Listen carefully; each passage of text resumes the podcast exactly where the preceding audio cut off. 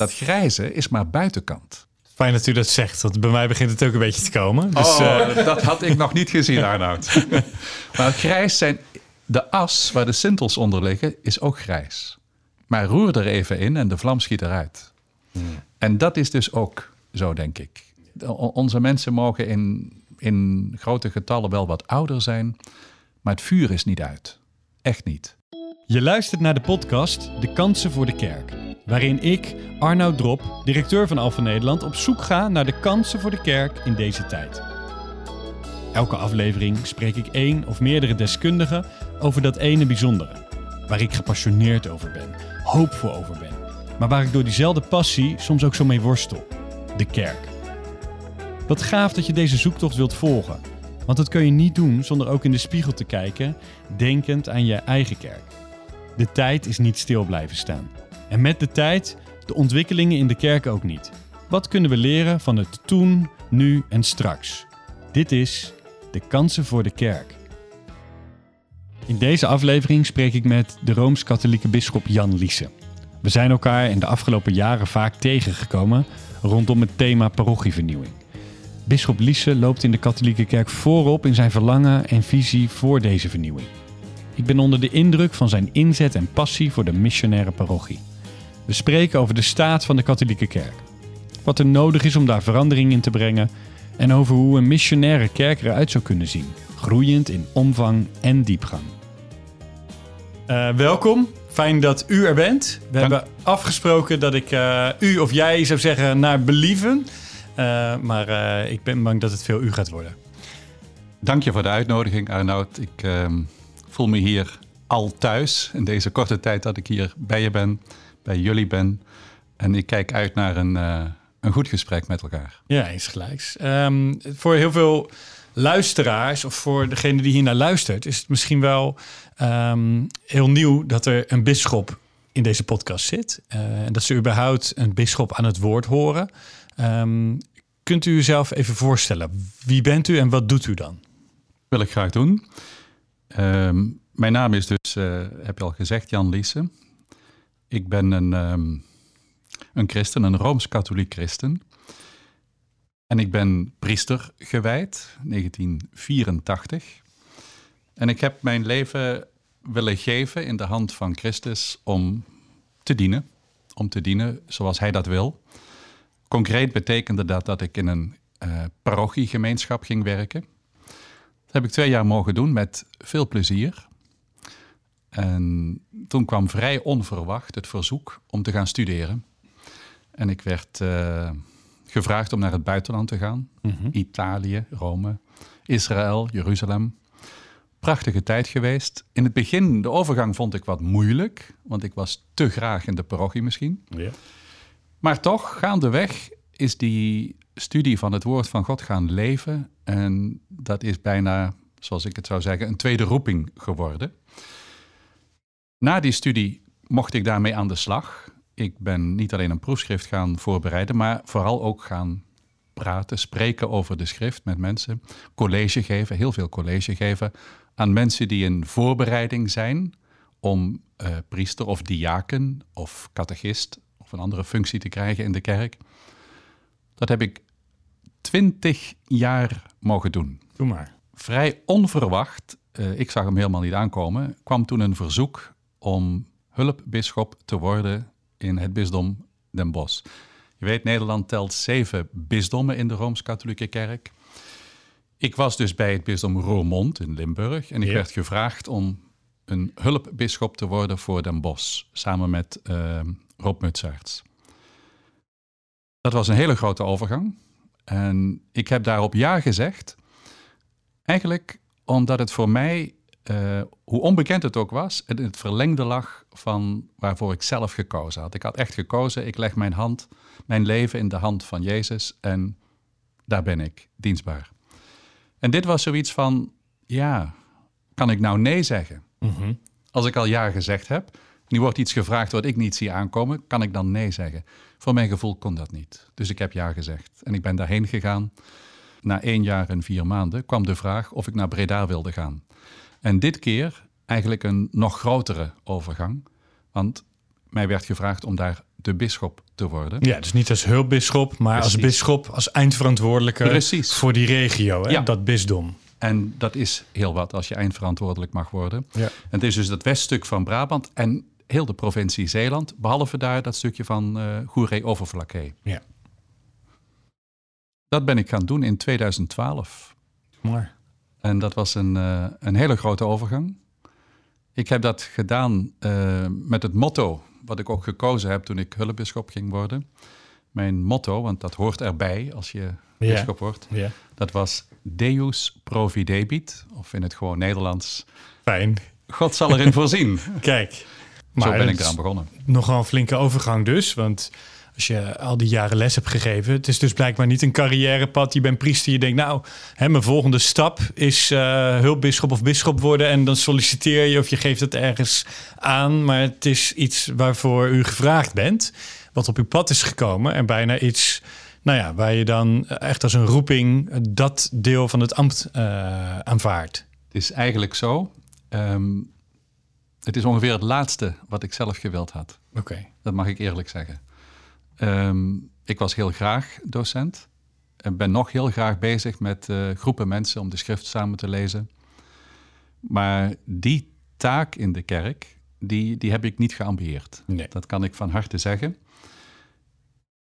Nu het zijnde, ehm, ben ik ook niet ongelukkig. Oké, Maar het ik ben dus er wel niet in het gegroeid. lijden wat u verkiest, Nee, maar het is wel eh, nee, enigszins plezier in het, eh Ik ben in erin het werk gegroeid. het ambt. Ja. Een kleine anekdote. Toen ik eh, van Den Bosch naar Breda ging, was er een oudere heer die naar me toe kwam. En die zei, nou proficiat hoor, u hebt een nieuwe bruid. Ik dacht, wat bedoelt die man? een nieuwe bruid? Ja. En daar ben ik over gaan nadenken, weet je. En opeens viel ook het dubbeltje. Want als je bischop wordt, krijg je een ring aan je vinger. En, en in het evangelie op zoveel plekken eh, maakt Jezus een vergelijking met een bruiloft, een bruiloftsmaal. En hij is meestal de bruidegom. Precies, ja. En ik wil mijn dienst aan hem ook verstaan als waar hij roept, daar ga ik. Oké. En in dat koninkrijk van God, waar hij zijn, zijn leerlingen toe uitzendt, ja, daar hoort deze taak bij. Maar dat zit in het verlengde van wat hij zelf is en doet. En hij is die bruidegom. Dus die ring die kreeg voor mij ineens een andere betekenis. Een band met dat volk van God. Ja. En niet zomaar een, een, een juridische of een formele band, maar iets, en dat is ook in mijn ervaring zo gegroeid, je kunt maar bisschop zijn als je van de mensen houdt. Ja. Dat lukt Dus die niet liefde anders. is ontwikkeld en Ah, gegroeid. Ja, en dat gaat, Ja. ik kan het je echt vertellen, dat gaat niet anders. Op het moment dat je het als een functie beschouwt en probeert iets goeds te doen in een formele zin, dan merk je dat je gewoon hopeloos tekort schiet. Het Ja. eerste is toch dat je echt, ehm, ja, een, een, een harte, een, een verbondenheid in het hart hebt met de Ja. mensen in Christus. En daar staat die ring symbool voor. De ring die ik heb is een beetje dikker en ik vind het vervelend als ik er tegenaan stoot. Maar hij herinnert me wel. Ja. Hij herinnert me wel aan ehm, wie ik mag zijn en wie ik ook wil zijn Ja. met Christus. En dat is iets wat groeit dus. Je komt in zo'n bisdom, je kent weinig mensen, je gaat rond, je gaat gesprekken voeren. Je krijgt een indruk van de parochies. En dat is soms even schrikken. Want je denkt van, oei, ik had hier meer mensen verwacht, maar die zijn er niet. Ja, dus En die soms- bruid, die ziet er niet overal picobello uit. Precies. En Ja. je komt ook op plekken waarvan je denkt, wat mooi. Ja. Helemaal niet verwacht. Ja. Waar mensen ehm, bij elkaar komen en bidden op een fantastische manier. Maar daar had je niet op gerekend. Hè, daar kom je gewoon bij uit. Dat is een cadeautje. Ook dat kom je tegen. Nou, daar groei je in. Dat, dat leer je kennen. En ehm, in het begin, moet ik toegeven, had ik wel de indruk, dit bisdom, daar... ehm, ja, wat is de, de geestelijke situatie van, van, van die parochies? Hè? Dat, dat leek niet zo heel fraai. Ja. Je ziet gewoon, en daar hoef je, geen, eh, hoef je zelfs geen rondgang voor door te maken. Je zag gewoon krimp. Ja. Je zag kleinere aantallen. Uit mijn jeugd kan ik me herinneren dat als we op zondag naar de kerk gingen, het was een kerk waar 1800 mensen in konden, die zat uh, drie, vier keer per zondag vol. En nu waren ditzelfde grote kerken, die waren op zondag één keer in gebruik en niet vol. Ja. Dus dat zie je gewoon, hè, dat teruggaan. Maar die krimp, dat is, dat is een gegeven. En in het begin heb je dus gemakkelijk, ik had althans gemakkelijk de indruk van, wauw, wat is er aan de hand in de kerk? Hoe staan we ervoor?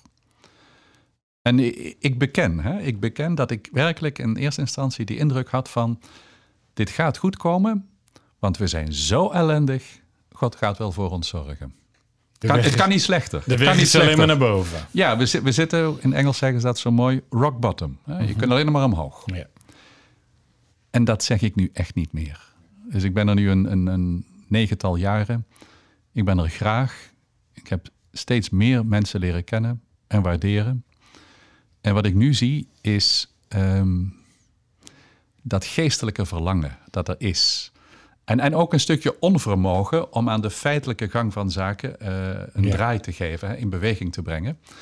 Maar ik zie ook, ja, dit gaat goed komen, maar niet omdat wij op de bodem zitten, niet omdat wij ellendig zijn, mhm. maar dit gaat goed komen omdat God goed is. Hij is goed en hij voorziet in wat wij nodig hebben. Ja.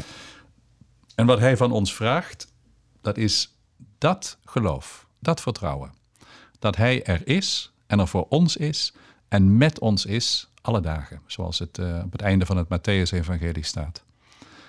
En dat is gegroeid, hè? dat moet ik ook eerlijk bekennen. In het begin, ook een beetje mhm. door de, de nieuwe situatie, ga je eerst één aspect zien. En dat is een heel reëel aspect, die krimp. Ik, ik weet niet hoe het in, in een uh, andere kerkgenootschappen in Nederland is. Daar ben ik minder vertrouwd mee.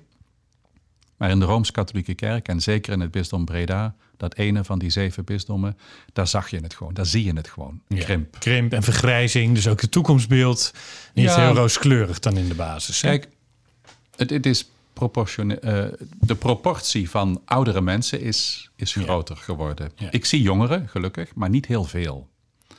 En ik maak mee dat jonge mensen uh, ineens naar voren komen en interesse tonen en in gesprek gaan.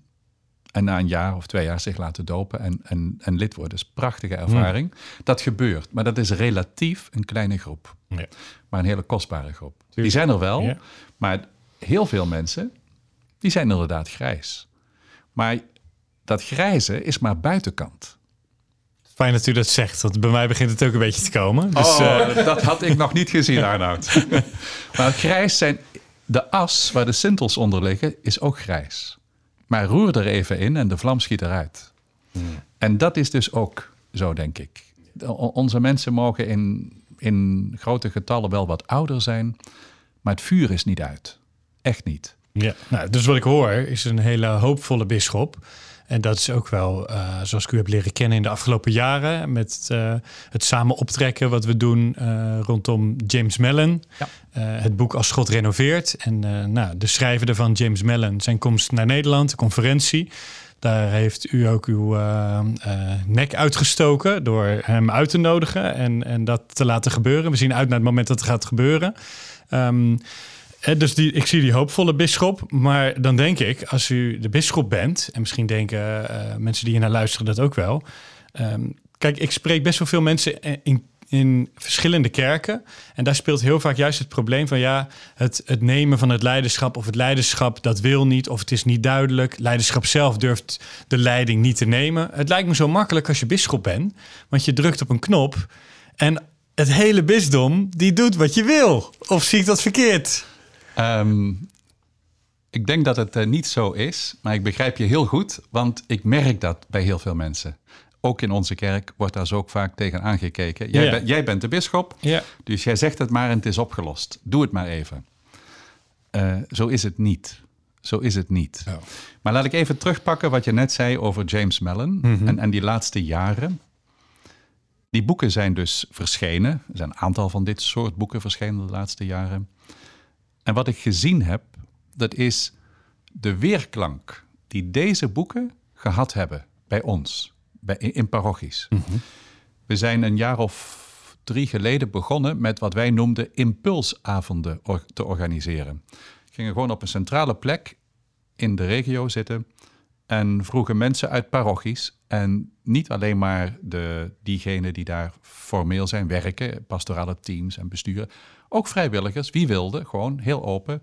Kom luisteren, we willen met elkaar spreken over deze nieuwe, zeg maar even, trend. Wat is dat? En ik heb gewoon gezien in die laatste, uh, ja, 2,5, 3 jaar, wat voor een energie dat op uh, deed oplaaien. Maakt iets wakker bij mensen. Maakte echt iets wakker. Ja. Ik, ik, ik, zag mensen uh, ja, enthousiast worden. En daar speelde een stukje mee dat ze zagen van... we gaan eigenlijk met open ogen... Uh, lopen we tegen een muur aan of, of, in een afgrond, of hoe je het verder ook wil zeggen. Mm -hmm. En dat willen we niet en we hebben geen alternatief. Hoe gaan we dat doen? En er kwam zoiets van, maar dit kan voor ons wel iets betekenen. Dat kunnen wij ook. We moeten het niet kopiëren in de zin van nadoen, maar we kunnen hiervan leren en het geeft ons de moed om het ook te gaan doen. Dat is gebeurd en dat heb ik een paar maal gewoon gezien. Je zag dan van die avonden en dan hadden we een beetje bescheiden ingezet op, ja, weet ik wat, uh, 70, 80 mensen gaan komen. Maar er kwamen er meer, weet je wel. Dan moeten Mhm. stoelen aangedragen worden Ja. en je ziet het groeien. En dat is een heerlijk moment, want iedereen erkent dat, herkent dat. Niet iedereen kan het misschien zo benoemen, maar dat gaat dan als een lopend vuurtje. Dus En- iets in die parochievernieuwing, dat doet een appel op wat bij mensen al lang leefde. Precies. En Daar kun je benoemen hoop. wat dat is? Ehm, Want de podcast hier heet De Kansen voor de Kerk. Dus welke kansen zien zij dan voor de kerk in deze literatuur? ze zagen eigenlijk in die literatuur, in die boeken, de kans om anders te kijken naar de kerk en naar zichzelf. Ehm, en met dat anders bedoel ik. In de Rooms-Katholieke Kerk is een soort routine. Ik denk misschien in andere kerken ook, dat weet ik eigenlijk niet zo precies. Maar bij ons spreekt men soms van het werkjaar. Dat is een beetje op het schooljaar gebaseerd. En dat begint dan eind augustus en loopt door Mhm. Ja. tot juni. Ik- Ja. denk En dat dan gaan we op dat zomervakantie. Precies. Ja. Nou, dat is in heel veel kerken aan dat gevoel. Ja. Nou, maar in dat werkjaar heb je dus dingen die gewoon vast op de agenda komen. En die komen elk jaar terug. En er zijn werkgroepen die dat elk jaar doen. En sommigen doen het al wel twintig. Ik zie daar iemand knikken. 20, 30 jaar. eh, zien, hè? Er is een routine gegroeid. Ja. Maar men ziet, ondanks al die inzet, toch teruglopende getallen. Ja. Nou, kunnen we naar onszelf kijken? Naar onze kerk, naar onze inzet. Op een andere manier. Dat het niet alleen maar gaat over die inzet die wij plegen, heel routinematig eigenlijk. Maar kunnen we daarachter kijken, waarom deden we dit ook alweer? Ja. Wie, wie, wie zijn wij eigenlijk? Waarom doen we dit? En dan komen vragen naar boven als: wat is mijn geloof? Hoe sta ik voor God? En besef ik eigenlijk dat ik een, een, een leerling van Jezus mag zijn? En dat, ik dat, dat dat voor mij wezenlijker is als dat ik in deze of die werkgroep zit en dit of dat een paar jaar gedaan heb. En dan kom je dus weer in de diepte bij de wortel. Hm. En zodra mensen daar aankomen, dan zie je dat gebeuren. En dan, dan dringt dat besef door, ja, het kan ook anders. Maar die routine, ja, daar zit roest aan. Hè? dat is dat heel lang zo geweest. worden. Dat vraagt, ja, en dat breken, dat is een goed woord dat je gebruikt, daar moet je voorzichtig mee zijn. Dus dat moet in beweging komen, maar je moet het niet kapot maken. Je moet daar voorzichtig in, in gaan, maar wel doorgaan. Ja. Je moet een, een, een getuigenis geven, dat mag je ook doen. Eh, maar de overtuiging, die moet eigenlijk toch van Christus komen. Ja. Niet van mij. Dus een nieuwe ook. beleving van binnenuit, een Ja. nieuwe liefde. Ja. De eerste liefde misschien wel weer hervinden in sommige gevallen. Ja, en dat is waar onze wegen zich kruisten. Want alfa, daar had ik... De term kende ik, laat ik het zo zeggen, maar niet de inhoud. En ik heb mogen ontdekken hoe alfa eigenlijk een hele natuurlijke partner is in dat proces. Omdat het op een hele laagdrempelige, eenvoudige manier mensen aan het woord laat komen rond Christus. Met hele eenvoudige, maar rake eh, gespreksthema's, inleidingen. En dan niet zozeer een discussie, maar wel een, een verdieping, een uitwisseling. En dat is erg bevorderlijk. om, om weer terug te gaan naar de wortel. Dat helpt mensen. Ik heb het zien gebeuren. Ik heb zelf mogen deelnemen aan een paar van die alfa-groepen in het begin. En dan zie je het gewoon voor je ogen. Mm. En eh, ja, dat is dus één van de dingen die we in de laatste jaren promoten. En dat is een beetje vreemd, eh, want dat hadden we nooit. En het is ook niet katholiek van origine. Oké, ehm, maar het is wel goed. Ja. en daar ben ik er blij mee. En ja, dat is gekomen dus. Hè? Nu zeg je, ja, maar je bent bisschop, dus je hoeft maar op de knop te Precies. drukken en het loopt. ja, ideaal. Ideaal. Kijk, op het moment dat mensen zo naar mij kijken, dan is mijn eerste reactie van hoe kan ik dit doorbreken? Mm. Want het is namelijk. Voorzichtig eh wrikken, hè? niks kapot Voor- maken. Heel goed. Niks kapot maken. Waar ze hoge achting voor hebben, dat is wat Christus doet en geeft, ook door mensen. Dat begrijp ik. Maar het is niet zo dat ehm, een mens, puur alleen omdat hij bisschop is, alle waarheid in pacht heeft en maar even op de juiste knop hoeft te drukken en het gebeurt. Ik zie de taak van een bisschop in de kerk eigenlijk ehm, meer als uitgedrukt met dat oude woord hiërarchie. Dat is een beetje een belast woord geworden, want het staat voor autoriteit, voor gezag en, en, en zoiets. Maar in oorsprong betekent dat woord heilig begin. Het zijn twee Griekse woorden die bij elkaar horen, hieros arche, heilig begin, hiërarchie. Wat is de taak van een bisschop? eigenlijk alleen maar erop toezien dat wat er gebeurt aansluit bij het heilige begin, bij Christus. Dat is de eigenlijke taak. En dat moet hij garanderen. En dat moet hij niet alleen doen op een formele manier, maar hij moet het zijn. Hij moet zelf de link zijn tussen dat heilige begin en waar we staan. Daar moet hij garant voor zijn. Dat is de taak van de bisschop. En dat is dus niet zozeer een kwestie van het juiste knopje weten en maar even duwen, want je hebt het gezag. Nee, dat is keer op keer als een soort, ja, wat zal ik zeggen, Johannes de Doper maar weer oproepen. Bekeert u en ehm, Ja, dus het is meer die blik op Christus houden Ja. dan misschien Ja. de kerkvernieuwing aanzwengelen en iedereen loopt wel mee. het is beide. Hè, het is beide, want het is oproepen tot, maar je bent tegelijkertijd ook degene die dat meedoet met hun. Ja. En hun de, de, de kansen met hun maakt om het te doen. En die verantwoordelijkheid ook voelt om Ja. zowel de achterblijvers als degene die vooruit willen rennen aan te laten haken en Precies. erbij te houden. Precies. Ja, je wilt eigenlijk. Je wilt heel gastvrij zijn. Ja. Waarom? Omdat God de God van iedereen is. Omdat Hij gastvrij is. Daarom wil je gastvrij zijn, open naar iedereen toe.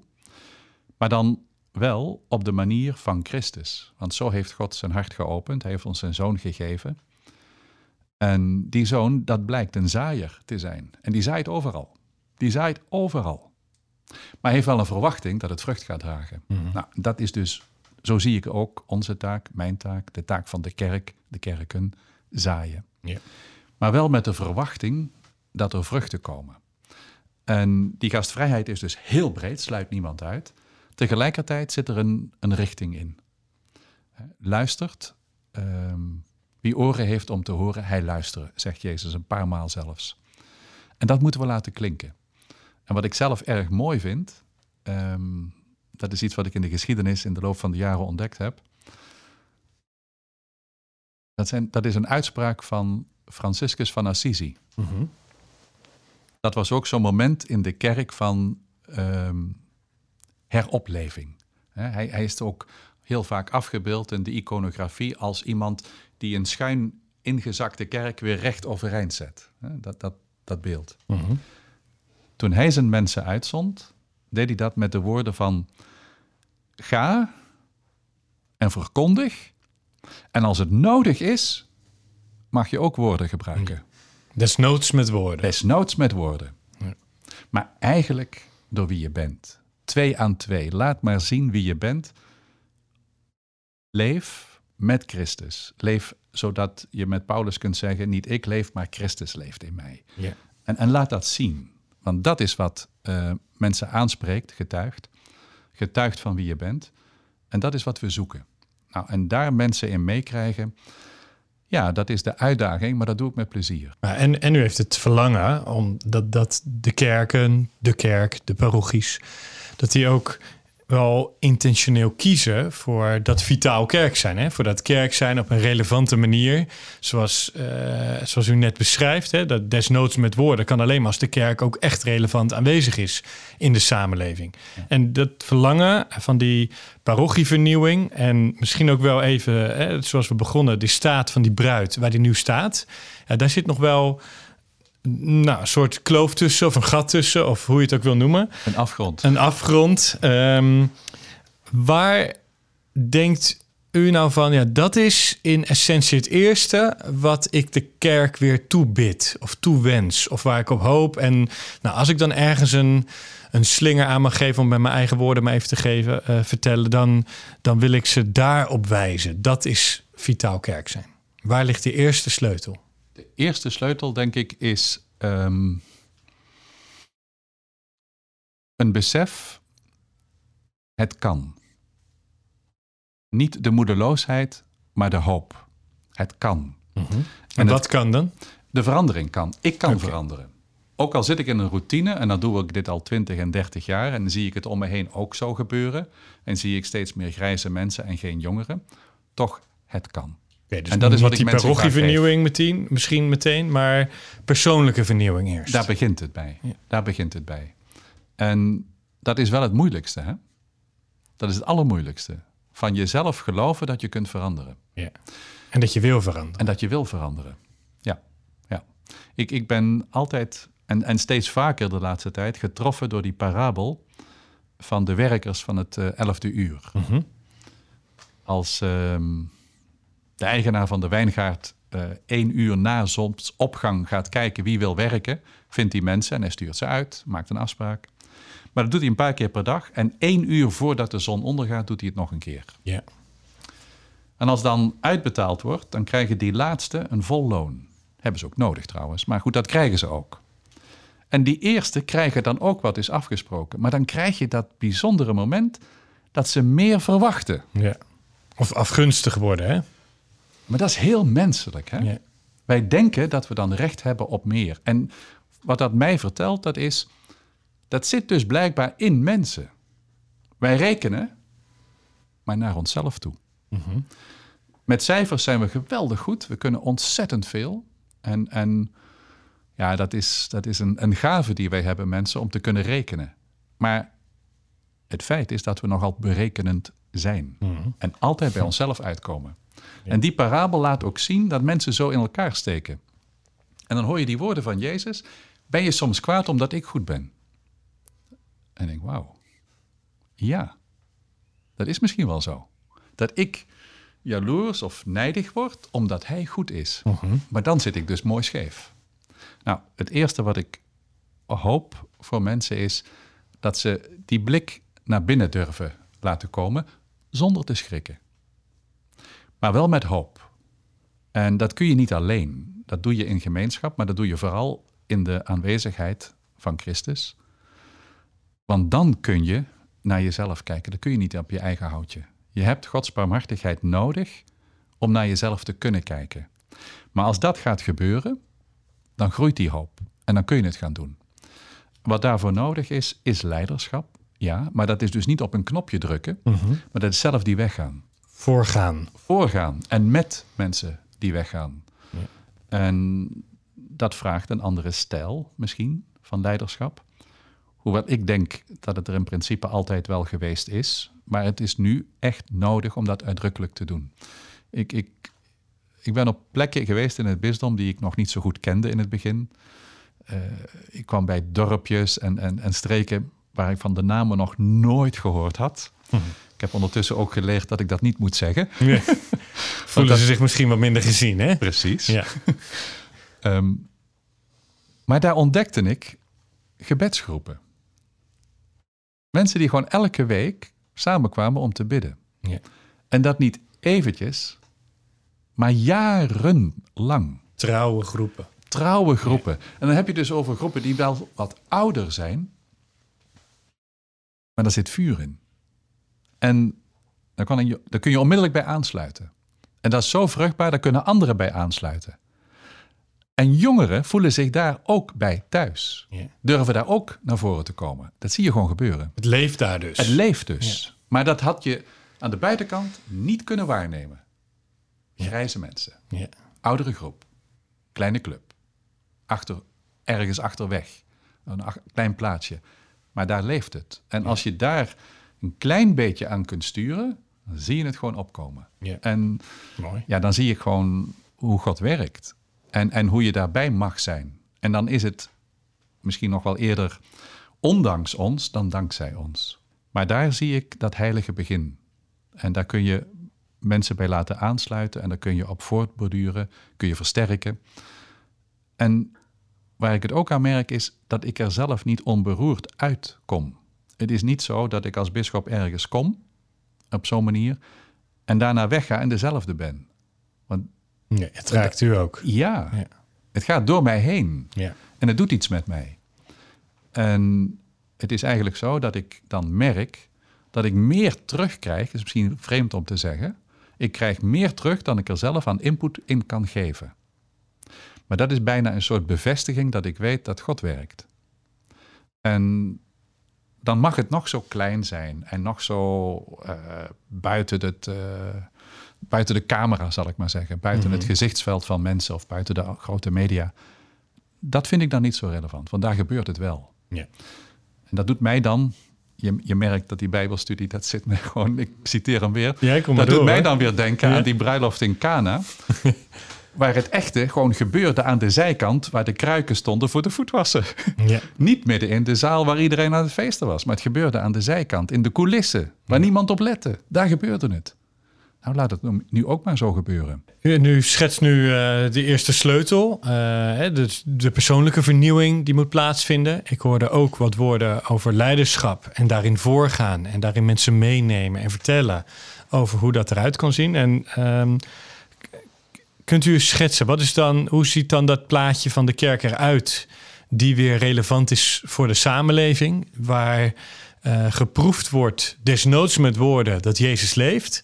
Ehm, als, als de status van nu is de afgrond, om de, hè, die woorden even aan te halen. Wat is Ja. dan eh, uw verlangen of uw hoop hoe de kerk er dan weer uitziet? En dan heb ik het niet over per se het uiterlijke vertoon. want, hè, dat, dat is duidelijk geworden. Dat, dat kan ons eh, foppen.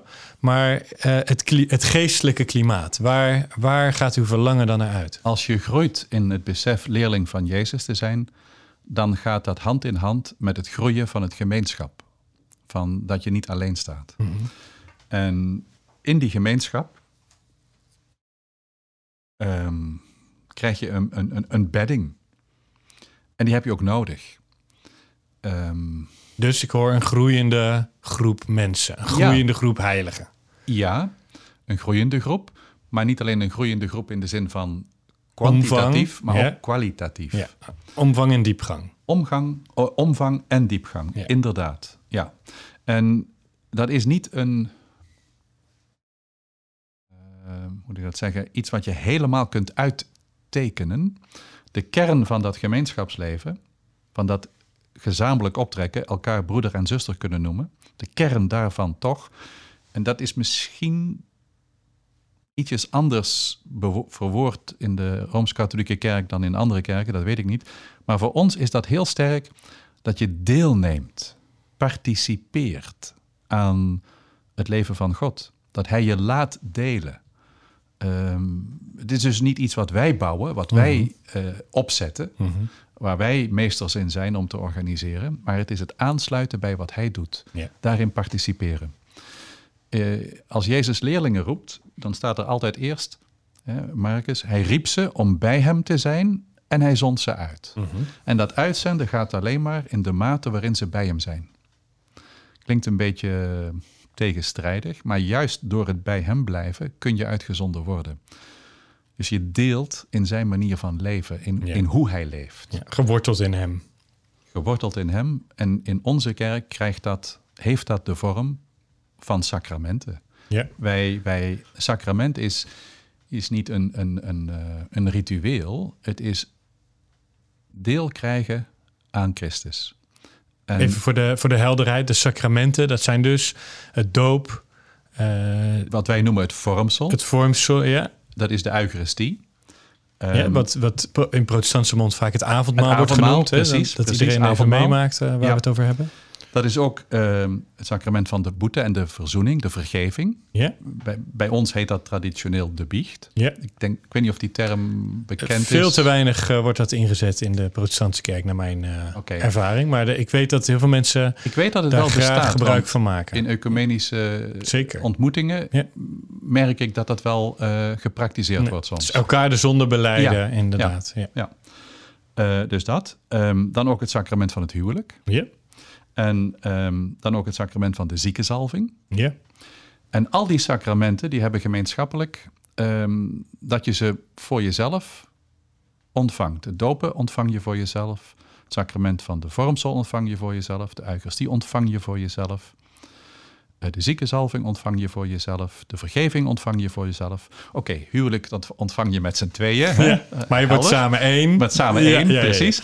Maar dan heb je dat laatste sacrament, de wijding. Ja. En dat ontvang je niet voor jezelf. Dat is dus eh, als de priesterwijding. Diakenwijding, priesterwijding, bischopswijding. Voor het ambt. Dat is niet voor jezelf, Ja. dat ontvang je voor anderen. Ja. En dat is het eigene ervan.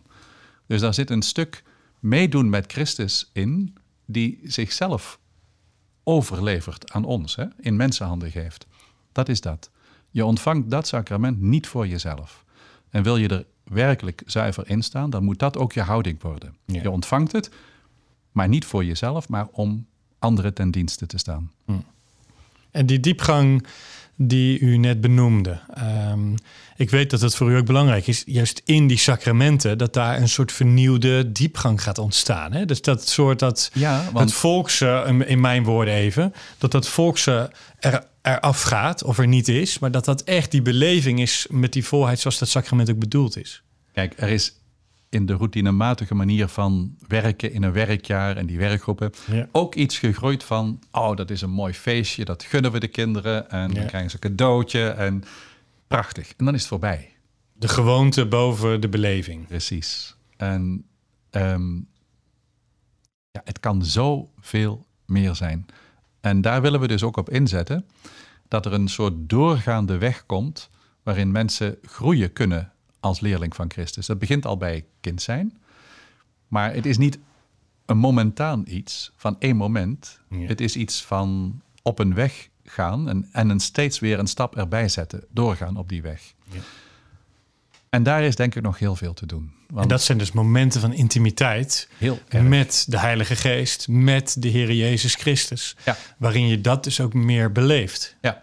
Ja. Dus ik, dus ik eh, spreek hier een bisschop die volop de kansen voor de kerk ziet.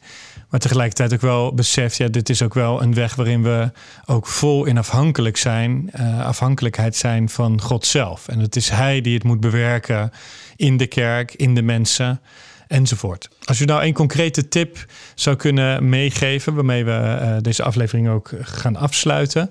Ehm, als u een concrete tip zou kunnen meegeven eh, voor de luisteraar om iets van die persoonlijke vernieuwing in gang te gaan zetten. Want dat is volgens mij uiteindelijk, of je nou van verandering houdt of niet, als je meer of dichter bij God kunt komen of meer van Hem in je leven kunt ervaren, dat is toch wel wat mensen willen. Wat zou u willen Nou, meegeven? Wat ik iedereen zou aanbevelen en gunnen, is dat je op het einde van je dag even kunt loskomen van alles wat je gedaan hebt en aan het doen bent. En even gewoon in rust voor God kunt zijn en terug kunt kijken op je dag. Maar niet alleen, maar met Hem. En dan ook gewoon eerlijk kunt zien wat goed was en wat niet goed was. Als je dat kunt laten gebeuren, dan, dan wordt die dag anders. Wat er ook geweest is, dan, dan, dan gaat er iets mee gebeuren. En als dit iets kan worden van een, een terugkerend element in je leven, dan ga je zelf ook veranderen. En dat kun je misschien moeilijk zelf meten. Mhm. Dat volgens mij ook helemaal niet zelf willen meten. Maar er gaat wel iets gebeuren. En, en je wordt anders wakker. je wordt anders wakker. Je, je kunt dankbaar zijn voor een nieuwe dag. En je kijkt ook anders naar de dag die komt. Omdat je heel goed weet hoe zo'n dag kan verlopen. En waar je vertrouwen soms te klein was en mag groeien. Hmm. En dan weet je helemaal nog niet wat er komt. Maar zo een dag afsluiten met een echte open terugblik met Christus naar Op die de dag. ontmoetingen die je hebt gehad. op Ja, de de ontmoetingen, de dingen die je, hebt gesproken. Ja. Ook de dingen die je niet zei. Hè? Ja. De, de- de gevoelens die je wel toeliet, maar niet uitsprak. Ja. Ook die. E- Echt in volkomen openheid. En, en, en, en het, voor mij is het kernwoord eerlijkheid. Hmm. Dus op zo'n moment sta je werkelijk voor God. Je moet niet denken dat je hem iets kunt wijsmaken of jezelf iets kunt wijsmaken. Daar sta je zoals je bent, in, in al je schamelheid. Maar hij is er ook, met zijn goedheid. Nou, kijk dan maar naar die dag. Dank u wel. Dus eh, de kansen voor de kerk. Misschien is de eerste sleutel dan wel vernieuwing in je eigen leven. Ehm, en eh, door dat aan te vangen, ook maar eens iedere dag afsluiten eh, in, in samenspraak met God, in het gebed, je dag, eh, ja, op je dag reflecteren. Dank Ja. u wel, die nemen we mee. Dank u wel voor dit gesprek. Dank je en hartelijk dank nogmaals voor de uitnodiging en de kans om hier te spreken. Van hart tot hart. Eh, dank je wel, Arnoud. Bedankt voor het luisteren naar de Kansen voor de Kerk. Dit was de laatste aflevering van dit seizoen. Maar ik ga door. Ik wil mensen blijven spreken die voorop lopen, visie hebben of pionieren in het zien van de kansen voor de kerk. Abonneer je op deze podcast, dan mis je niks. Ik hoop dat mijn zoektocht en deze gesprekken ook jou inspireren om na te denken over je eigen kerk. Misschien wil je hier graag met anderen over doorpraten. Deel deze podcast dan met je kring of studiegroep en je kerkleiders. Kijk op dekansenvoordekerk.nl, want de kansen kunnen worden benut.